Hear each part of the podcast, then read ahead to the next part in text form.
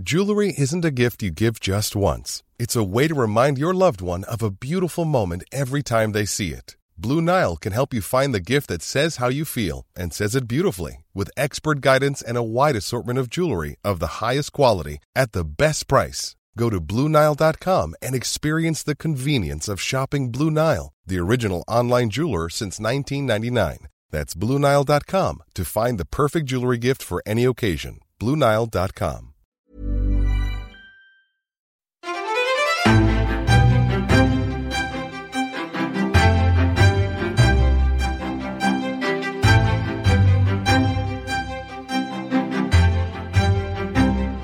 Varmt välkomna till poddserien Varför ska vi rösta på er? Jag som pratar heter Amanda Oxell och med mig i studion har jag min vän och kollega Bertil Wassén.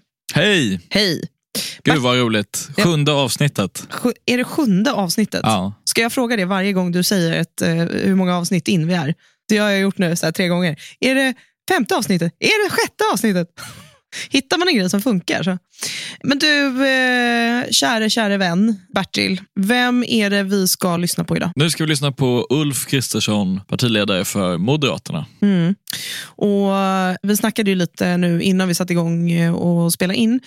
Jag sa att jag störde mig lite på att jag... Eh, han, han kom ju och drog ett... Eh, eh ett, det är typ lite ett pappaskämt, eller egentligen eller så här, eh, politiskt pappaskämt. Han, han eh, berättade hur det är när de byter plats i talarstolen när de är i riksdagen. Och så, eh, liksom först, så, först så är det då Ulf eh, Kristersson som eh, liksom har stått eh, och talat och sen så går Johan Persson på. Och då är tydligen tempot i det, det som talar, alltså talarstolen höjs jättesakta. För att de har ju sina papper liksom, på talarstolen. Står de där och trycker på den här knappen liksom, och alla typ väntar. Det är så här knäpptyst och så tar det typ 15 år för den här talarstolen att åka upp till Johan Perssons höjd från Ulf Kristerssons höjd. Och när han sa det då kände jag att jag skrattade oproportionerligt mycket åt eh, det skämtet. Jag tyckte det var väldigt roligt. Ja, nej, men det var skojigt. Annars är det ju Johan Persson själv som är den stora pappaskämtaren i, i sällskapet. Ja, och jag undrar också om jag, precis- eh, gjorde jag mig själv otjänsten nu att jag återberättade ett skämt. Ibland så är det ju så att du måste vara där, men nu fick ni höra det i alla fall.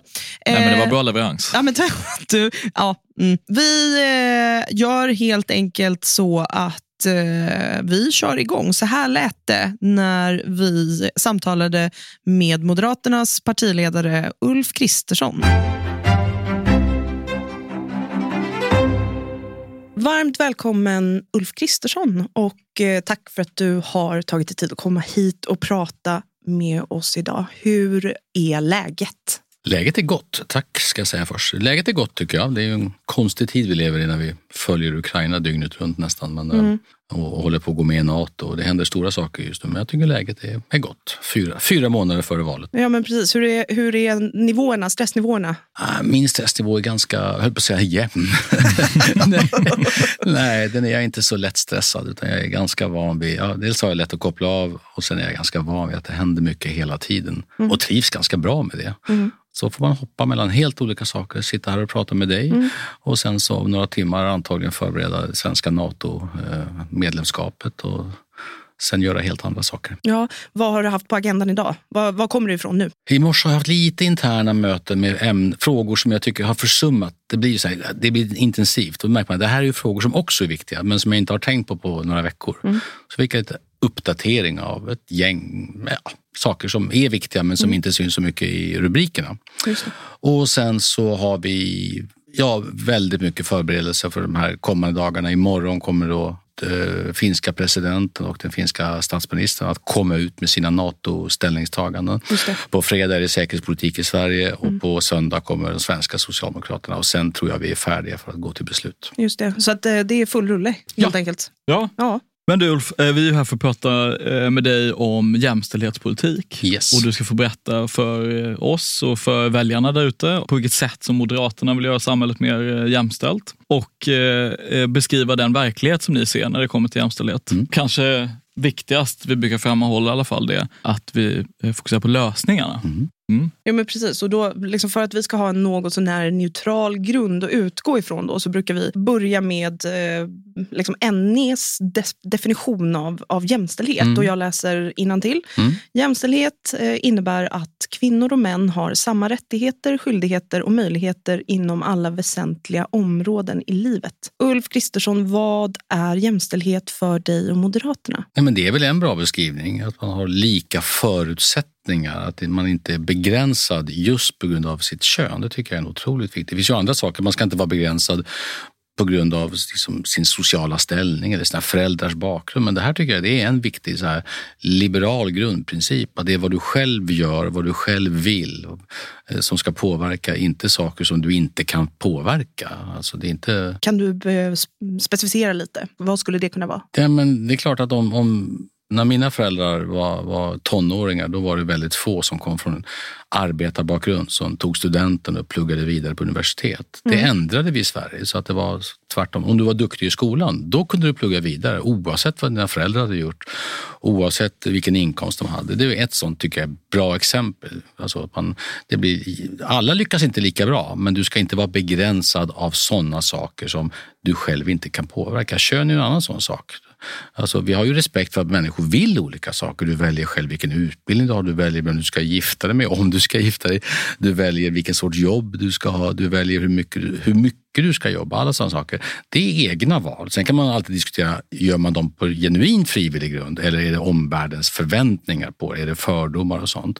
Men det ska inte vara så bara för att du är kille eller tjej så är du liksom begränsad i dina grundläggande valmöjligheter. Så får det inte vara. Min hustru håller på att omskola sig till präst nu eh, sent i livet. Eh, hon pluggar teologi som ung. I Sverige är könet inget hinder för att bli präst. I många länder skulle det vara det. Mm. Vad finns det för jämställdhetshinder i Sverige då?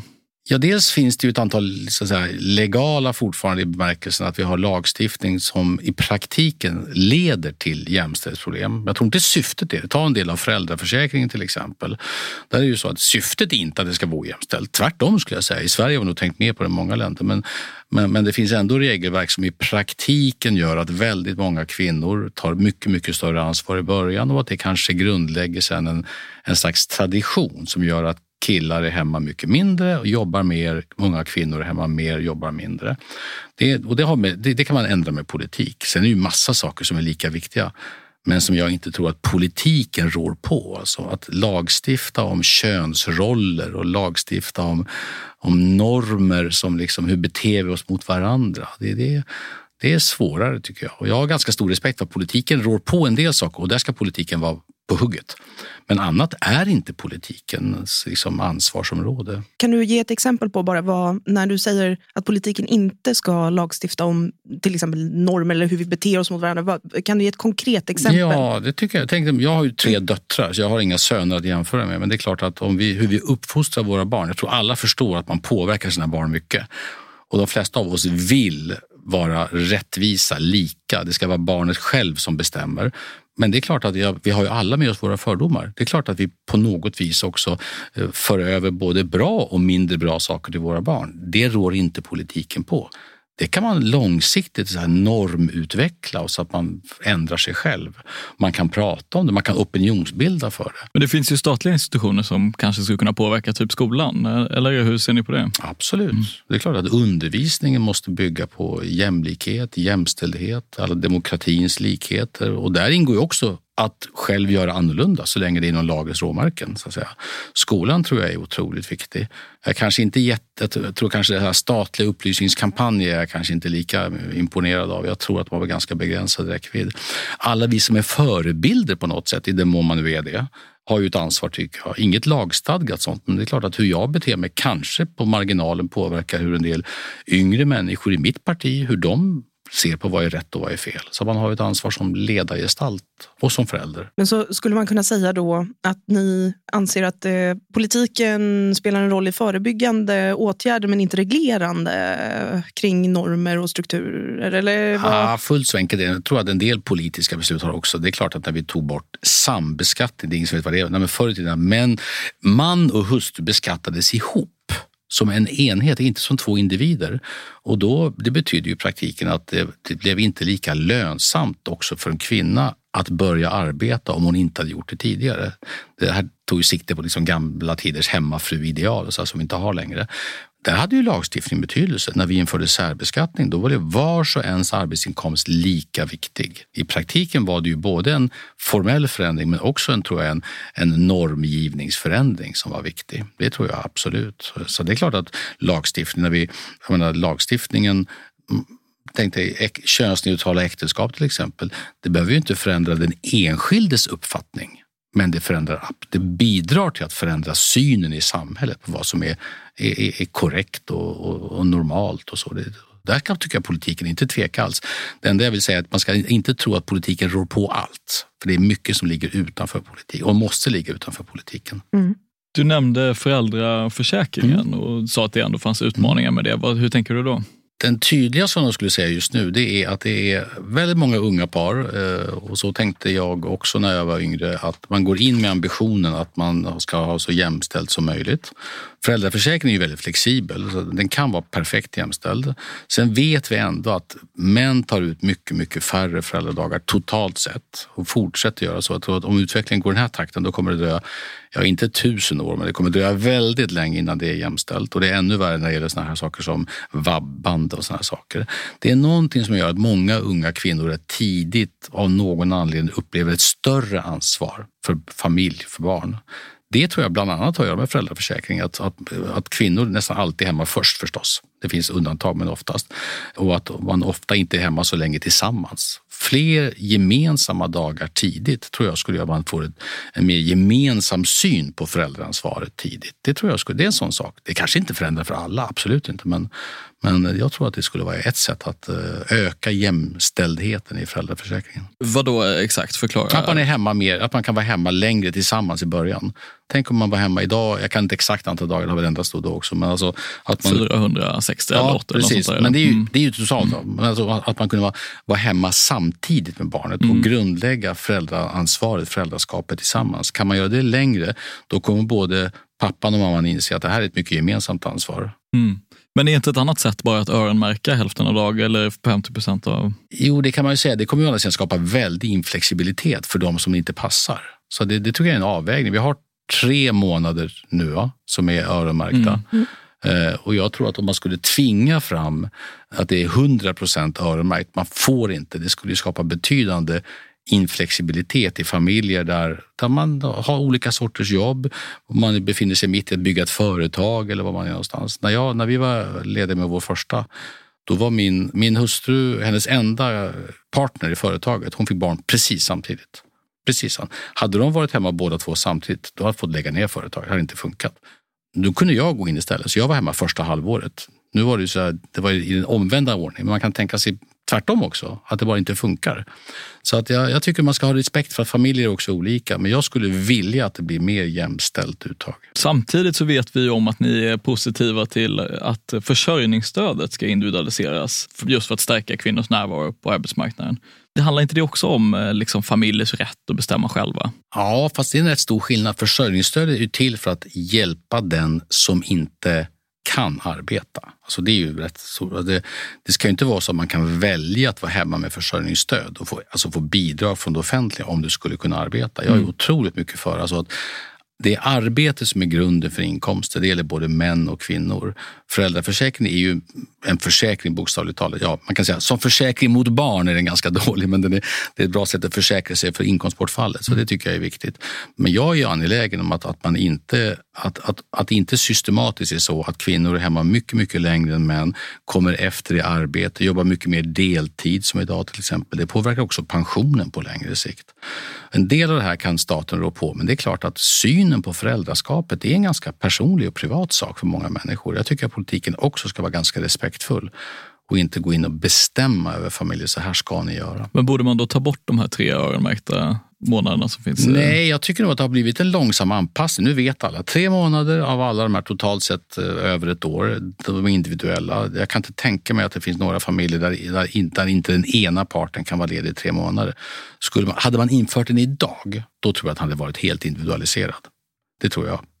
Men att nu tvinga fram det och säga att ni får inte mellan mamman och pappan bestämma överhuvudtaget hur ni ska fördela er föräldraledighet.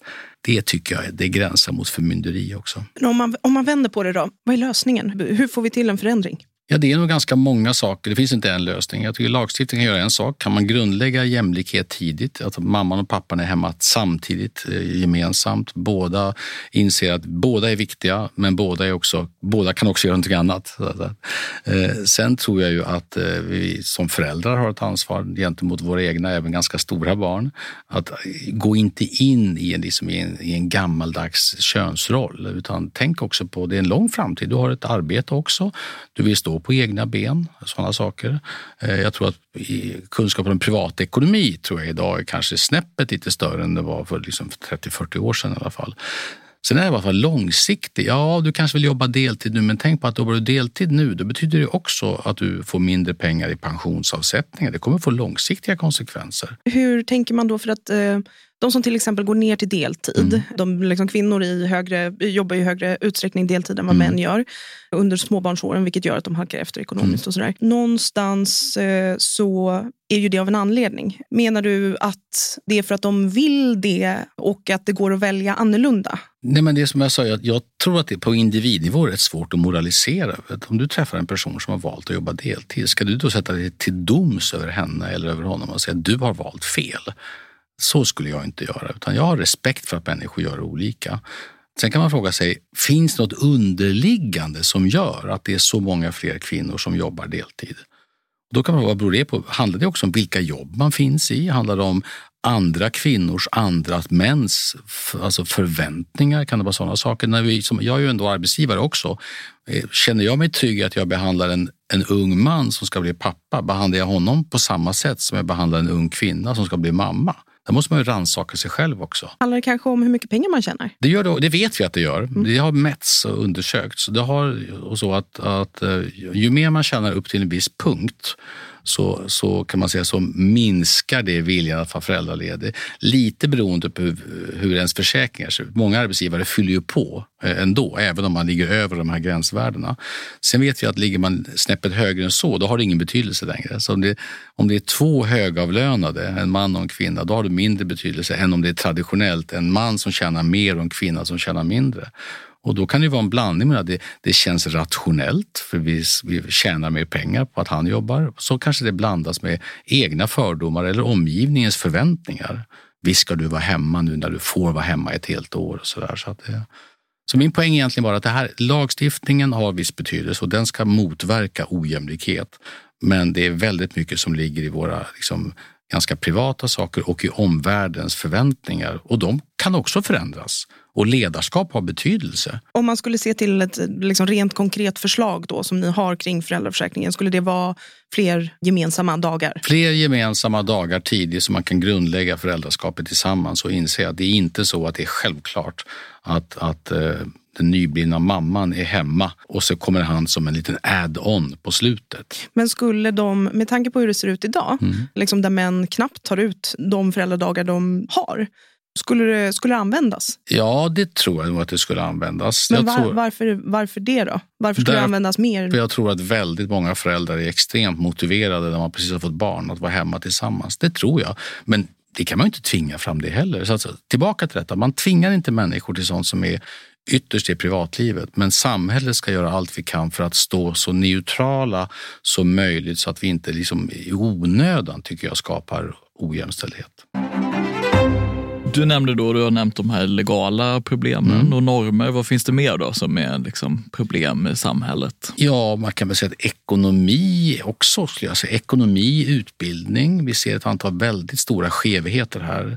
Väldigt många av de kvinnor som väljer den sortens utbildningar som landar i offentlig anställning. Inget fel på det. Inte det minsta, de viktiga. Men det är lite märkligt att det är sån överrepresentation. Väldigt många mer män som läser olika tekniska utbildningar, som satsar på eget företagande, som gör traditionell chefskarriär. Varför? Så ni vill att det ska vara jämnare fördelning då mellan könen i, i samtliga branscher? Här, jag skulle vilja det, men jag har stor respekt för att det är ingenting man tvingar fram. Man kvoterar inte in människor mot deras vilja i olika utbildningar. Det fattar ju vem som helst. Men då kan man fråga, är det någonting vi gör i skolsystemet som gör att det är nästan bara killar som väljer tekniska utbildningar? Varför är det på det sättet? Eller är det vi som föräldrar som grundlägger det tidigt? Vad tror du? Jag tror att det är en kombination. Pratar man med människor i de stockholmska techbranscherna så säger de att det är väldigt många fler killar som har sysslat med programmering. Bland de som har med datavetenskap, väldigt mycket fler killar. Det betyder att det är många fler killar som är inblandade i att bygga nya företag, som också tjänar pengar på de sakerna, eh, som rekryterar andra killar. Det här är ju ingenting man ändrar i efterhand, men vi måste nu tänka hur kan, vi, hur kan dagens femåringar på förskolan, hur kan de om tio år bli riktigt skickliga programmerare och om 20 år vara tillhöra världens mest välutbildade IT-ingenjörer, killar och tjejer. Och hur ska vi göra det? Ja, ja men återigen, det är, det är klart. Ju fler tjejer som i skolan intresserar sig för matematik till exempel tidigt, desto fler kommer också bli duktiga på IT-relaterade frågeställningar senare. Ju duktigare de tekniska högskolorna är på att rekrytera in, intressera högpresterande tjejer från olika utbildningar, eh, desto fler kommer så småningom komma ut som företagsledare i andra änden. Men handlar det om specifika satsningar då? Är det någonting som är politikens ansvar? Ja, i någon mån är det väl naturligtvis det. Så vet jag inte riktigt hur man skulle fatta ett sånt politiskt Jag tror inte riksdagsbeslutet nu, det tror jag inte fattar, funkar riktigt. Men jag, jag vet ju att eh, jag har träffat ganska, inte minst tekniska högskolor.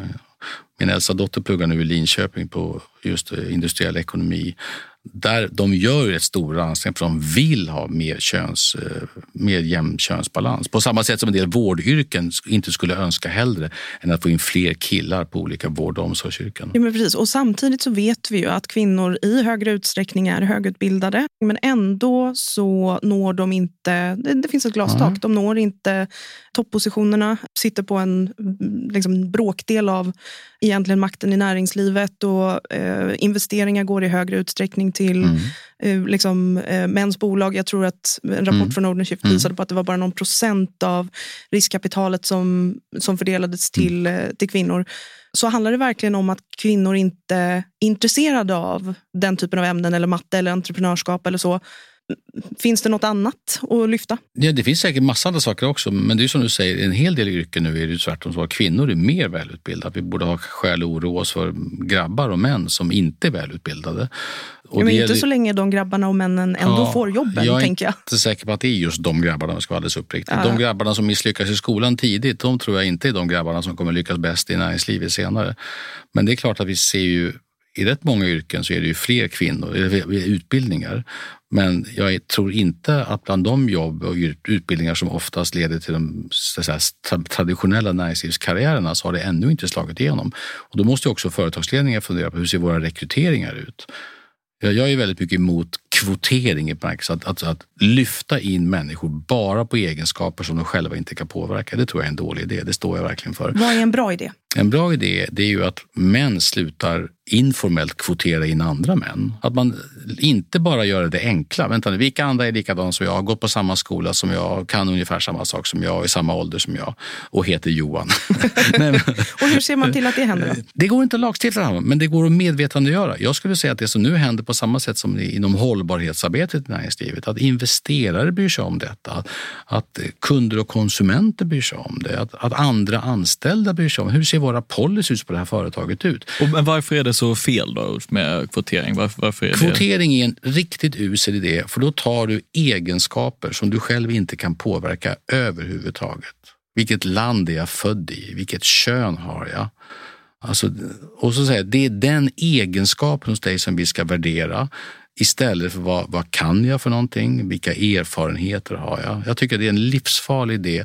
Den undandrar ditt personliga, både ditt personliga ansvar men också att du själv kan prestera saker som gör att du får nya möjligheter. Jag tycker det är en alltså, riktigt farlig idé. Men skillnaden då blir väl kanske att män gör det här. Män kvoterar in män, men det är ju enligt er då ingenting man skulle vilja lagstifta för att förhindra.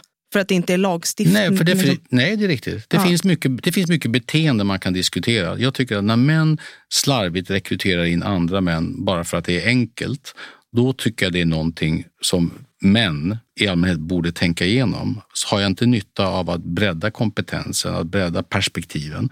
Men att med lagen gå in och säga du ska bygga ditt eget företag. Vi förbjuder dig att rekrytera din kompis till det här företaget. Det går helt enkelt inte. Och där, där, där har vi ju faktiskt, när vi har kikat på lite motioner mm. liksom, som har med jämställdhet att mm. göra, som ni har skickat in, så man kan läsa då i Så får vi ordning på Sverige jämställdhet motion.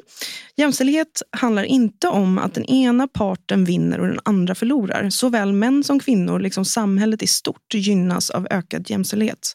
Och eh, mot bakgrund då till exempel av att man inte vill lagstifta om kvotering och att eh, ansvaret ligger på männen att sluta kvotera eh, då.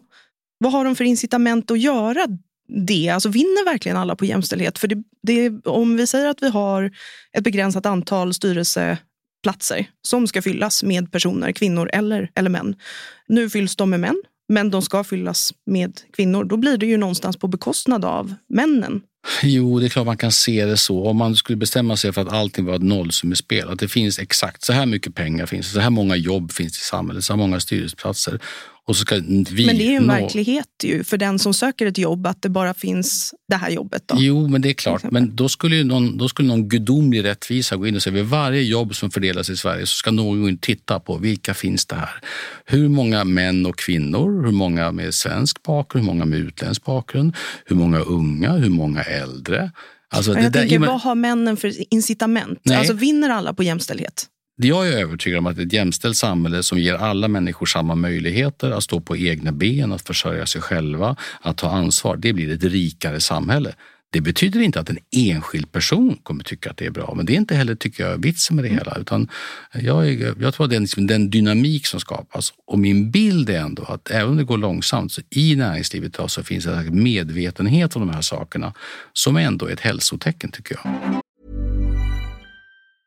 Hey, I'm Ryan Reynolds. Recently, I asked Mint Mobile's legal team if big wireless companies are allowed to raise prices due to inflation. They said yes. And then when I asked if raising prices technically violates those onerous two-year contracts, they said, "What the f*** are you talking about? You insane Hollywood ass." So to recap, we're cutting the price of Mint Unlimited from $30 a month to just $15 a month. Give it a try at mintmobile.com slash switch. $45 up front for three months plus taxes and fees. Promoting for new customers for limited time. Unlimited more than 40 gigabytes per month. Slows. Full terms at mintmobile.com. Hi, I'm Daniel, founder of Pretty Litter. Cats and cat owners deserve better than any old-fashioned litter. That's why I teamed up with scientists and veterinarians to create Pretty Litter. Its innovative crystal formula has superior odor control and weighs up to 80% less than clay litter. Pretty Litter even monitors health by changing colors to help detect early signs of potential illness. It's the world's smartest kitty litter. Go to prettylitter.com and use code ACAST for 20% off your first order and a free cat toy. Terms and conditions apply. See site for details. Vi gör så för att hålla oss någorlunda till vår, eh, vårt lilla manus som vi har kastat över bord sedan länge. Mm. Så kommer vi be dig Ulf att lista de tre viktigaste politiska förslagen som ni vill driva för att göra Sverige mer jämställt. Och här får du jättegärna förklara då, mm. alltså i samband, liksom, medan du pratar om varje enskilt förslag, mm. just varför det här förslaget är ett av de tre viktigaste och vad det kommer bidra till för typer av skillnader. Mm. Ett har vi just bara tangerat, och det här att gör föräldraförsäkringen mer jämställd så att mammor och pappor kan vara hemma längre tid gemensamt i början början och därmed ökar chansen att man också fördelar föräldraförsäkringen mer likt eh, under hela tiden. Det och, tror jag. och där är er tes då att man som förälder knyter an till barnet där när man tvingas vara hemma med dem den första tiden och då kommer man att vilja vara hemma längre. Jag, jag sa liksom inte så? tvingas. Nej, förlåt. Återigen, om man då är hemma med barnet hemma. där Ja, jag, mm. jag, tror, jag skulle nog säga, min erfarenhet är nog att om man delar på det ansvaret tidigt och tydligt, det finns ganska mycket som talar för det också, att man inte liksom faller tillbaka i en väldigt, väldigt traditionell könsfördelning. Det, det, skulle jag säga.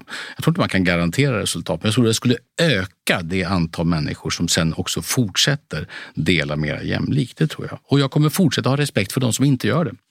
Det är det ena. Det andra som jag tycker är, det är ju att eh, se till att de som har kommit till Sverige och som är från andra länder och som idag jobbar i mycket, mycket lägre utsträckning, utsträckning än, än svenskfödda. Det gäller framför allt kvinnor det är dramatisk skillnad, att de måste komma in på arbetsmarknaden. Det var länge sedan vi hade sagt hemmafruideal i Sverige där kvinnor var hemma och män jobbade. Och det har många nackdelar med sig. Det blir framförallt att många kvinnor aldrig får en egen ekonomi. Man önskar att alla äktenskap håller i hela livet, men det finns de som skiljer sig och då ska man inte låta bli för att man inte har råd helt enkelt. Allt detta ser vi idag. Många kvinnor som hålls hemma med eller mot sin vilja av, ska vi säga, av, av, av en fördomsfull syn, tycker jag på att kvinnor inte får plats i arbetslivet. Och hur vill ni komma åt Där vill jag mycket, mycket striktare se till att, eh, att man kommer in i den svenska välfärden genom arbete. Alltså vi har ett ganska omfattande välfärds, liksom, många system idag i Sverige och de flesta får man tillgång till på en gång när man kommer till Sverige. Det hade varit mycket bättre om man successivt får del av välfärden genom att jobba sig in i den. Det är genom arbete som man fullt ut får del av de sociala välfärdsprogrammen. Och det tycker jag, och idag är det så här, de enskilda bidragen i Sverige, de är inte så höga som en del tror som aldrig har behövt leva på bidrag. Men om man staplar olika bidrag på varandra, då är det ganska många människor som hamnar i ett läge där det inte lönar sig att jobba överhuvudtaget framförallt kvinnor, som aldrig kommer in på arbetsmarknaden, som i sin tur blir förebilder för sina familjer. Mamma är hemma och pappa jobbar. Jag tycker att alla barn i Sverige, var du än är född, ska ha, få, in, få det äkta intyget att män och kvinnor behandlas lika. Män och kvinnor står på egna ben. Både män och kvinnor kan försörja sig själva. Det är ett otroligt viktigt värde. Men menar du då att det är anledningen till att de här eh, invandrade kvinnorna som inte jobbar, att de gör det för att det finns sådana bidragsmöjligheter? Är det ja, så vi ska det kan man det? Göra. Om det är orsaken, det är jag inte alls säker på. Men att det blir möjligt för att det finns så mycket bidrag, det är ingen tvekan. Orsaken kan ju lika gärna vara att man kanske inte har någon utbildning som särskilt enkelt kan anpassas till svensk arbetsmarknad. Man kanske inte talar svenska. Det är ju det grundläggande problemet för många. Talar man ingen svenska överhuvudtaget är det svårt att komma in på svensk arbetsmarknad. Och till detta att man kanske kommer från ett land där traditionen är att kvinnor inte arbetar. Är det inte ganska sjukt att arbetsmarknaden då tillhandahåller så låga villkor för dem? Eller? Vilka då menar du? För de kvinnorna, att det inte, att det inte skulle löna sig att jobba? Nej, men jag tror arbetsmarknaden, det är helt, helt, vanliga, helt vanliga löner. Det är inga konstigheter med dem. Men det är klart att, det är klart att om du... Eller tänker jag fel? Har jag missuppfattat det? Nej, du menar väl i så fall att du menar att lönerna borde vara mycket högre i ja. så fall? Ja, men, jo, det kan man ju tycka, men lönerna, är ju vad de, lönerna förhandlas ju fram på arbetsmarknaden. Expressen hade en ganska intressant artikel rätt nyligen om en somalisk sexbarnsmamma som hade sammanlagt 32 000 kronor per månad i bidrag. Hon ville arbeta. Hon tog ett jobb i skogsnäringen. I praktiken tror jag var typ plantera plantor och sådana saker. Hon fick noll kronor mer sammantaget varje månad genom att gå till jobbet mot att inte gå till jobbet. Det är klart att i längden är det dåligt för ett samhälle om man inser att det har ingen betydelse i min plånbok om jag jobbar eller inte jobbar. Så kan man inte ha det helt enkelt. Jag tänker att, för att använda dina ord, att det mm. väl kanske handlar om att göra egna val också. Eh, bör inte även invandrade kvinnor kunna fatta beslutet att inte jobba? Absolut, men inte på andras bekostnad. Det är väl en väldig skillnad. Om du säger jag har inte lust att jobba och jag har råd att inte jobba, så be my guest. Men att välja att inte jobba för att jag istället kan få bidrag då tycker från inte du att det är ett principiellt problem då? Att det är många kvinnor som skulle vara hemma. Säg att eh, man sänker bidragen som ni då vill göra eller så som jag tolkar på det. Nej, men som och, jag sa, jag har ju respekt för att var och en måste ju ytterst få välja själv. Men det kan ju inte vara så att du väljer på andras bekostnad. Hela den svenska välfärdsmodellen är ju uppbyggd på att du får mycket välfärd, men grundpremissen är att du jobbar, du försörjer dig själv, du betalar skatt som går till de som inte kan jobba. Om man går ur det liksom kontraktet, då funkar ju ingenting längre. Om någon människa tycker att jag har råd att inte arbeta, så då ska jag inte moralisera över detta. Just det, så du har inget problem med då att det skulle, i teorin så har du inget problem med att eh, 100 procent av alla invandrare ja, kvinnor som inte jobbar det är inte jobbar? Lite, kanske lite meningslöst exempel, för det är ju så de allra flesta människor måste jobba för vi behöver inkomsterna för att jobba. Men det är klart att jag sätter mig inte till doms över människor vad de gör på sin tid om de, om de har råd att inte jobba. Det finns ju säkert en och annan, men för de allra flesta människor i Sverige så hänger arbete ihop med att man har en inkomst. Sen för det är ju många av oss som tycker att arbete är bra av andra skäl också. Man får sociala kontakter. Om man kommer från ett annat land så är det dessutom så att det är mycket lättare att lära sig svenska språket om du finns i en arbetsgemenskap än om du inte finns där. Så det finns ju massa andra bra poänger.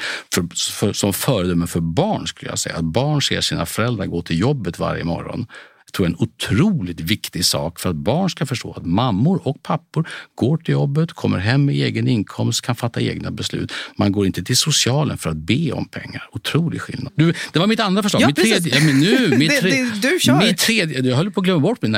Och det tredje tycker jag är den, en del av den här breda frågan om, om brottsligheten och våldet i Sverige. Att det är, vi pratar ju jättemycket om den grova gängkriminaliteten. Då pratar vi brutalt uttryckt nästan alltid om unga män som skjuter ihjäl andra unga män. Det är förfärligt det också. Men det gör att vi pratar mindre om det som är minst lika hemskt och det är alla, alla brott mot kvinnor, alltså våld i nära relationer, sexualbrott. Det är, om det har varit 27 avrättade grabbar det här året hittills så tror jag det är 12-13 kvinnor som har mördats. Jag tror typ att det är 17. Eller 17 till och med. Ja. Men alltså, vi pratar alltså om så att säga, samma, mm. nästan samma nivåer. Det är ett våld och en brottslighet som vi pratar mindre om för den syns mindre. Den sker ofta inom, heter det, inom fyra väggar. Ofta inga vittnen överhuvudtaget. Jag tycker det här är helt förfärligt. Hur ska man råda bot på det? Ja, som många så blir det. Det är svårt, men, men man måste göra det. så att säga. Eh, och det ena handlar ju om vad lagen kan göra. Och då ska jag säga, jag tycker att lagen måste se strängare på den här sortens brott. Det enda positiva som hände för ett år sedan, när vi hade haft, vi hade väl fem mördade kvinnor i mm. våld i nära relation på tre veckor. Det enda positiva det hade med sig, det var att efter den händelsen så kunde vi snabbt samla majoritet på Moderaternas initiativ till att skärpa straffen för det som kallas för grov kvinnofridskränkning. Det hade vi lagt förslag om tidigare, det blev nedröstat. Nu fanns det stöd för detta. För det här är riktigt grova brott. Riktigt grova brott. Har straffen skärpts? De, antingen, alla enades om dem. Om propositionen har kommit ska låta vara osagt. Det vet jag faktiskt inte. Men alla enades om detta när vi hade partiledarsamtal efter de morden. Därför att de leder till så låga straff. Då har polisen färre verktyg. Då kommer man ut mycket snabbt också. Dessutom, vad vi inte lyckades med, det var det som kallas och det kommer att låta tekniskt, men obligatorisk häktning. Att när män är misstänkta för grova brott mot kvinnor i nära relation, som det oftast är, så borde de häktas och komma bort ifrån den familjen. Inte kunna uppsöka sin familj efteråt, för det är ofta i samband med polisanmälan och uppbrott som de allra, allra allvarligaste brotten äger rum. Och det här tycker man borde göra. Och sen finns det många följdverkningar. Polisen borde ha bättre alltså sexualbrottsutredningsteam. De finns inte överallt i polisen.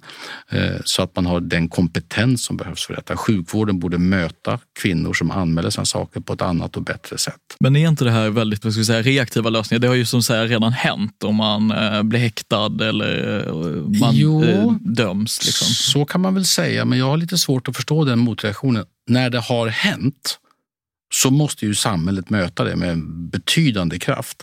Nytorgsmannen som nu, inte minst alla som bor i Stockholm har hört talas väldigt mycket om, 35 sexualbrott, varav sju var våldtäkter.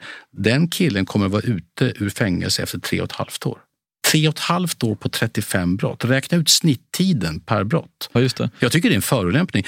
Men det förändrar ju inte det faktum att du har helt rätt. Hur ska dagens femåriga grabbar inte bli 15-åringar som tafsar och 25-åringar som begår våldtäkt. Och vad ska ni eh, göra åt det då? Det är svårt att fatta politiska beslut om det, det fattar ju alla. Men det är klart att ju fler grabbar som, eh, som tidigt lär sig att man beter sig korrekt i största allmänhet. Då är vi inne på föräldraansvar naturligtvis, men vi är också inne på sådana saker som att om det offentliga, om staten möter unga grabbar med straffrabatter, ungdomsrabatter tidigt och säger att dina tidiga första brott, de ser vi inte så allvarligt på. Så är det ju samma sak som att säga att du måste begå grova brott för att vi verkligen ska ta det på stort allvar. Så, men mycket av det här ligger, alltså mycket av det preventiva, det kan man göra skola, förskola, men mycket av detta handlar också om hur beter sig människor mot varandra. Och det kan man inte fatta ett riksdagsbeslut om. Då har du eh, eh, berättat om dina tre viktigaste mm. politiska förslag här. Jag tänkte att vi skulle bara cirkulera tillbaka till detta med, med eh, lönerna för mm. kvinnor. För Det var ändå någonting som mm. vi gick förbi mm. någorlunda snabbt. Skulle jag säga. Ett problem kanske man kan säga är att det inte bara är så att det är ojämnt fördelat mellan mm. branscherna, men det är väl också så att de branscher där det jobbar kvinnor i hög utsträckning mm. också är branscher som har lägre lön. Är det någonting som eh, ni har några politiska förslag för att göra någonting åt? Ja, det hänger ihop med vilka utbildningar man tar. Så du har ju helt rätt i din beskrivning. Att man gör olika utbildningar, väljer också privat och offentligt i olika grad och systematiskt så att män tenderar att då välja eller komma till yrken med högre lön som sen leder till mer ägande, mer aktiesparande, fler män som äger bostäder. Allt det där som skapar väldigt snedfördelning. Jag, jag, vet inte hur man skulle liksom kunna fatta ett beslut som inte bygger på att man också har, att, man, alltså, att man förändrar vilka utbildningar och jobb man söker sig till. Det, det har jag lite svårt att se. Så att jag, i grunden handlar det om vilka jobb och vilka utbildningar väljer rätt unga män och kvinnor. Där är själva grunden. Sen finns det oförklarade löneskillnader. När man tittar på allt, så här, typ exakt samma utbildning, exakt samma jobb, nästan samma företag och ändå finns det löneskillnader. Då måste ju arbetsgivare verkligen kunna svara på varför i hela friden betalar ni män vad ligger den på nu? Säkert en 8, 9. Ja, jag kan inte, det finns en procentsiffra på detta. ja, man, jag har inte den uppdaterad i huvudet, precis, men den, eh, den, är där. Varför betalar ni män högre lön för exakt samma arbete, exakt samma liksom, kompetensnivå? Och vem ställer arbetsgivarna till svars för det? Då? Ja, det görs ju såna här lönekartläggningar och sånt där. Det görs det på, på, men så vet jag inte om det förändrar så mycket. Ytterst, det vet ju ni säkert, som säkert båda har löneförhandlat åt er själva och någon annan. Ytterst är det en överenskommelse. Det finns ingen lag som tvingar dig att göra upp en lön på en viss nivå. Och så kan vi inte ha det heller. Det måste gå att fatta sådana beslut. Men, Men är inte det, inom skevt. ramen för diskrimineringslagen? Alltså är inte det en, en direkt eh, diskriminering? Jo, då får man ju bevisa att det är diskriminering. Och det kan ju vara ganska svårt på individnivå, så att säga, eller hur? Mm. Så det, det, det, förstår jag. Men jag vill ändå cirkulera tillbaka mm. till det här med branscherna. Alltså, mm. Du menar alltså att det är så att eh, det finns de branscher där, som bara, där bara det råkar vara så att kvinnor har eh, lög, eller så här, där de som jobbar i de branscherna har lägre lön och så slutar män söka sig dit för de söker sig till branscher med hög lön. Du tror inte att det hänger ihop? Alltså, du tror inte det finns en anledning till att eh, det är lägre löner i, i branscher där det jobbar mycket kvinnor? Ja, det, jag tror att det går åt båda hållen. Alltså, många många branscher där det är väldigt många, ta offentlig sektor, vård, omsorgsyrken, eh, förskola, skola de har ju varit kvinnodominerade väldigt länge. Bortsett från kan man säga gymnasielärare tror jag var ganska mansdominerade för väldigt länge sedan. Det är ett bra exempel på en yrkeskår där man har mm. lyckats höja lönerna genom att höja statusen och tagit politiska initiativ. Skulle man inte kunna göra samma till exempel inom vården? Det har man gjort också. Sjuksköterskor var så, precis. Vi föreslår ju samma sak inom polisen. Det handlar mindre om könsskillnader, för där är det mer män. Det handlar mer om att det är svårt att rekrytera och behålla poliser.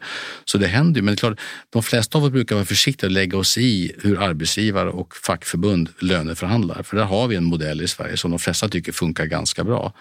Så jag tror att det viktigaste det är ju att se till att uppmuntra fler män att söka sig därför att de vill komma till yrken där det idag är mest kvinnor. Jag tror det vore jättebra med fler män i skolan.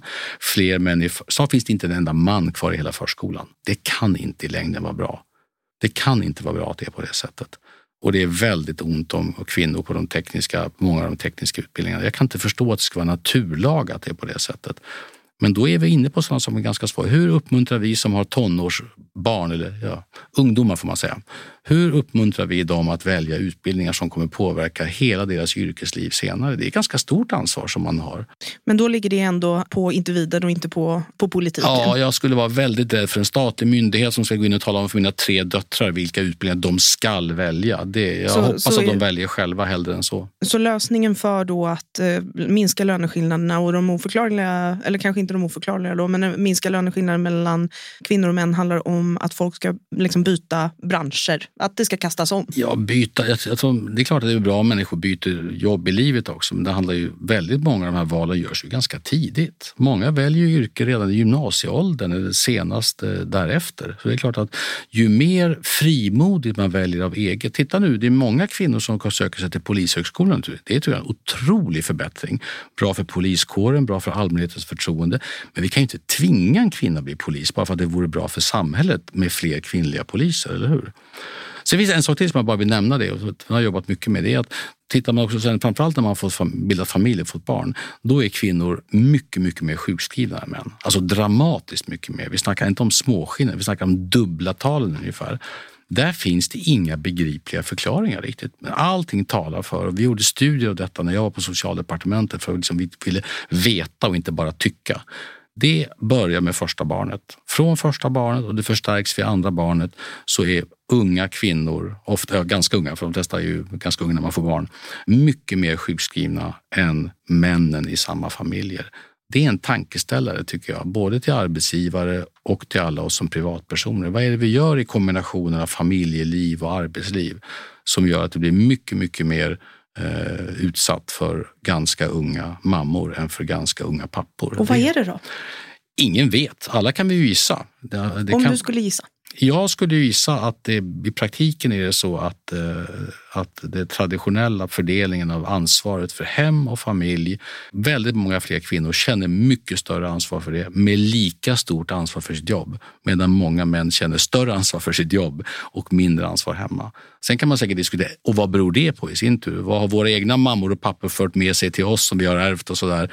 Och vad är politiska saker? Det kan man säkert diskutera. RUT är ju någonting som tar eh, i proportion ganska stor, eh, stor del av till exempel motioner som har skickats in eh, det senaste året. Vill du berätta lite hur ni resonerar kring eh, liksom ett förslag att öka RUT, RUT-avdraget som en jämställdhetsåtgärd? Ja, från början RUT, alltså där med alltså, städtjänst och sådana saker Mm. hemma. Det kom ju, från början kom det ju till för som ett sätt att försöka skapa en vit sektor av en svart sektor. Jättemånga hade svart eh, städhjälp hemma, framförallt i storstäderna och att det i längden var väldigt eh, sunkigt att ha det på det sättet. Det här ska vara riktiga jobb som man tjänar riktiga pengar, betalar skatt och får riktig pension och allt sånt där. Och då var ju det här ett sätt att se till att eftersom, det, eftersom vi har höga arbetskraftskostnader i Sverige så skapar det en svart, en svart sektor. Sen har det visat sig att det också betyder att det är väldigt många kvinnor som jobbar i de branscherna men också kvinnor som leder företag i de branscherna. Det är väldigt många kvinnor som, som eh, driver de företag som idag är städer städ, städ, ja, städ och andra sorters ruttjänster. Det är 50 procent av företagen i, inom eh, rut-branscher som, är, som drivs, av, eh, drivs av kvinnor. Däremot så är det ju så att merparten av dem är eh, enskilda firmor. Så att de inte har anställda och sådär. Så liksom, hur kopplar man det till kvinnligt, alltså kvinnligt företagande? Är det, är det den typen av företagande som kvinnor ska ägna sig åt? Det sa jag inte. Nu tycker jag du var fördomsfull. Nej, inte Det alls. sa jag inte alls. Jag sa, Nej. jag, jag, sa, jag tycker att det är om, ju fler kvinnor som vill starta företag och driva företag, desto bättre är det. På lång sikt skulle jag vilja att det var jättemånga kvinnor som startade framtidens stora eh, teknologijättar. Och, och det finns ingen som hindrar dem idag heller, men idag är det färre kvinnor som är i de branscherna. Låt oss åtminstone så här, samtidigt som vi ökar, eh, ökar motiven för kvinnor att välja andra yrken och andra, och andra utbildningar, låt oss samtidigt värdesätta de verksamheter där det är många kvinnor, som i vård och omsorg och och anse att det företagandet är värt lika mycket som företagande i, i, i teknologi eller i, i andra verksamheter. Ja, anledningen till att jag lyfte det Ulf var just för att i den här motionen då, som, som vi har kunnat läsa oss till det här så resonerar ni som så att det här är liksom eh, en åtgärd för att stärka kvinnligt företagande men det finns inga andra propositioner kring kvinnligt företagande eller motioner kring kvinnligt eh, företagande som har en jämställdhetsaspekt i sig. Så det var därför jag ställde den frågan. Ja, ja, eh, nej. men eh, eh, om man då ytterligare ska liksom koppla på det här med Mm. RUT till liksom hur det bidrar till jämställdhet och också då underlätta för livspusslet. Mm. Kan du berätta lite hur ni resonerar kring det? Nej, men det är väl ganska naturligt att om man, om man får hjälp med många saker hemma så kan både män och kvinnor ägna sig åt andra saker. Det klassiska exemplet brukar ju vara att läkare av båda könen som, som tycker att det är bättre att vara hemma och snickra på verandan än att jobba eh, några timmar extra över en helg på sjukhuset. Då ska jag säga samhällsnyttan av läkare som jobbar på sjukhuset är mycket, mycket större än att de snickrar på, på verandan. Så att, samma sak kan gälla städning. Det betyder inte att städning inte är viktigt. Alla som har ett hem vet att städning är viktigt. Men det, man kan ju också tänka sig att man kan göra andra saker med den tiden som kanske är ännu bättre för fler än en själv. Så att jag, jag tycker bara att det är ett bra sätt att, att, att avlasta. Som jämställdhetsåtgärd då, eftersom det är så det beskrivs då när ni lägger fram det här förslaget i den här motionen.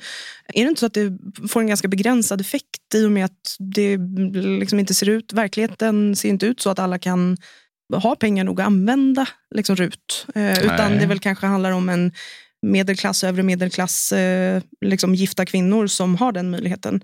Nej, men det är klart att eh, så är det ju med allt. Har man mera pengar så har man råd att göra fler saker. Men tittar man på hur uttjänsterna idag används, både av den arbetande vanliga medelklassen, inte minst bland många äldre. Alltså, hemtjänst, alltså ruttjänster används av väldigt, väldigt hög utsträckning av äldre människor idag i Sverige. Eh, så tycker jag nog ändå att det det är ett rätt bra sätt. Det skapar riktiga legala arbetstillfällen. Det har också skapat företag. De kanske kan utvecklas i andra företag senare. Så att jag, jag, liksom, jag tycker att det i grund och botten är bra. Om alternativet hade varit att vi hade fortsatt ha en stor svart sektor där människor jobbar svart, okontrollerat, utan att betala skatt, utan att få pensionsavsättningar, så är det bara sämre.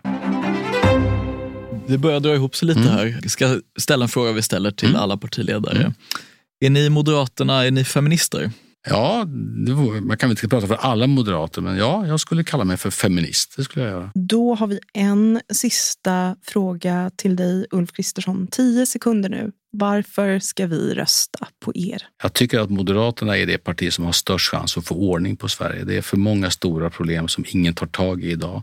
Brottsligheten, energikrisen, bidragsberoendet. Det är absolut nödvändigt. Sen ska vi blicka på den långa framtiden också med gott humör. Tack snälla för att du tog dig tid att komma och prata med oss idag. Ja, stort tack. Tack så mycket. Tack, tack. Det ni precis hörde var alltså ett samtal mellan mig, Amanda Oxell och eh, Bertil Wassén och Moderaternas eh, partiledare Ulf Kristersson. Bertil, hur eh, kändes det här då? Nej, men jag tyckte det kändes att det var ett bra samtal. Alltså, Ulf gav ju ett rätt bakåtlutat intryck tyckte jag. Han var kanske inte så superkonkret och det är väl möjligt att det eh, låg på oss också att ställa följdfrågor. Men jag tyckte han beskrev problemen, men det som präglar hela samtalet är ju att han ju inte ser det som politikens eller hans egen roll. Mm att lösa så många av de här problemen. Eh. Nej, men för han, pratade ju, han pratade ju väldigt fint om normer och värderingar. och Det är klart att man ska tycka så här och det är klart att alla ska ha rätten att eh, liksom leva i det här samhället på lika villkor och ha samma möjligheter och samma ansvar och liksom hela den prylen. Det tog ett tag för mig att inse att han pratade bara om mjuka värderingar. Alltså bara att så här, det, så här ska man tycka. Ja, men han var ju ändå tydlig med att det var någonting som han inte tycker att politiken, ja, efter för att citera honom själv, rår på. Jo, men efter ett tag ja, när vi ställde de frågorna. Men mm. alltså, hade man inte bara så här, ja, men ge mig ett konkret förslag på det här, mm. då, då hade han ju, tror jag, fortsatt att prata om värderingar. Mm. Det är ju först när man pressar honom och säger liksom att, ja, men kan du ge något kon konkret förslag på åtgärd eller hur kommer vi åt det här? och så där. Det var ju då liksom han blev tvungen att säga att ja, men jag tycker inte att det är jag som politiker som ska ansvara för vilka normer som råder i samhället. Eller råder, alltså, han sa inte exakt så, men det var väl ungefär. Och sådär. Så att, eh, det lät ju som att han sa, väldigt, han sa väldigt mycket grejer som lät väldigt fina och behjärtansvärda. Liksom så. Men han pratade inte politik. Men så hade han ju ändå några saker som han tyckte var viktiga och som, mm. där han ändå hade politiska förslag. Och det var ju Dels var det, det här med jämställd föräldraförsäkring. Mm. Och Då handlade det om att män och kvinnor ska vara hemma mer tillsammans, eller ja, män och kvinnor, men båda föräldrarna ska vara hemma med Tillsammans ja. Mm. ja. Och sen så pratade han ju mycket om det här med att de som har kommit in från de som är invandrade svenskar måste in på arbetsmarknaden i hög utsträckning och att det då främst handlar om kvinnor. Mm. Och att det ville han ju liksom justera genom att eh, se till att anpassa möjligheten att få bidrag efter hur mycket man har jobbat. Mm, just det. Vilken tid man har varit, hur lång tid man har varit på arbetsmarknaden. Just det. Och sen så pratar han ju om detta med, med brottslighet och våldet bland kvinnor och då var det ju mycket prat om längre straff och, och obligatorisk häktning. Så där fanns det ju ändå några konkreta förslag. Liksom. Men, ja, våldet mot kvinnor menar du? Ja, precis. De jäkla våldsamma kvinnorna som går och slåss. Nej, men våldet mot kvinnor menar ja. Mm. Ja. Men jämfört med Annie Lööf till exempel så var det betydligt mer fokus på liksom den här typen av reaktiva lösningar och kanske inte det här med mm. förebyggande arbete. Så det var ju ändå en skillnad liksom i, ja i fokus. Å andra sidan den här typen av förebyggande arbete, enligt åtminstone Lööf så handlade ju det väldigt mycket om att forma om normer och så vidare. Mm. Och det trodde ju inte Ulf var möjligt för, för politiken att, att göra. Nej, det är ju intressant då vad det innebär i en eh, eventuell regeringsbildning. När man ska, vad, vad blir det för politik man för då när man har så vitt skild syn på jämställdhetsproblematiken egentligen, eller hur man löser den? Mm. Ja, verkligen. Nu, mm. nu är det väl eh, kanske långt ifrån troligt att Centerpartiet och Moderaterna regerar efter valet. Men, eh, Jag förstår vad du menar. Mm. Du, eh, vad Har du några avslutande reflektioner då, kring det här samtalet? Ja, nej men eh, egentligen bara eh, sammanfattningsvis så, så eh, upprepar det att han pratar väldigt mycket om liksom, goda värderingar och, och, och vikten av att ha det och, och sådär. Men, men samtidigt så distanserar han sig själv och politiken från det. Att det, det är liksom inte politikens roll, det är inte hans roll att eh, lagstifta fram goda värderingar, sa ju han. Och Det tycker jag väl är ganska talande för liksom hela det samtalet alltså, och, och kanske deras jämställdhetspolitik eh, överlag. Och med eh, det så säger vi återigen stort tack till er som har tagit er tiden att lyssna idag. Jättetack till mig själv och stort tack till Bertil Wassén. Tack!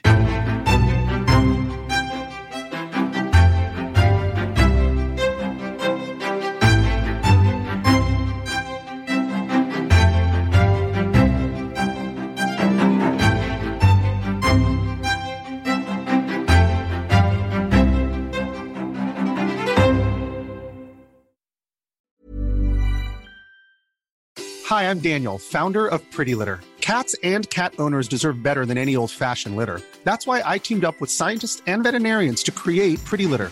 Its innovative crystal formula has superior odor control and weighs up to 80% less than clay litter. Pretty Litter even monitors health by changing colors to help detect early signs of potential illness. It's the world's smartest kitty litter. Go to prettylitter.com and use code ACAST for 20% off your first order and a free cat toy. Terms and conditions apply. See site for details.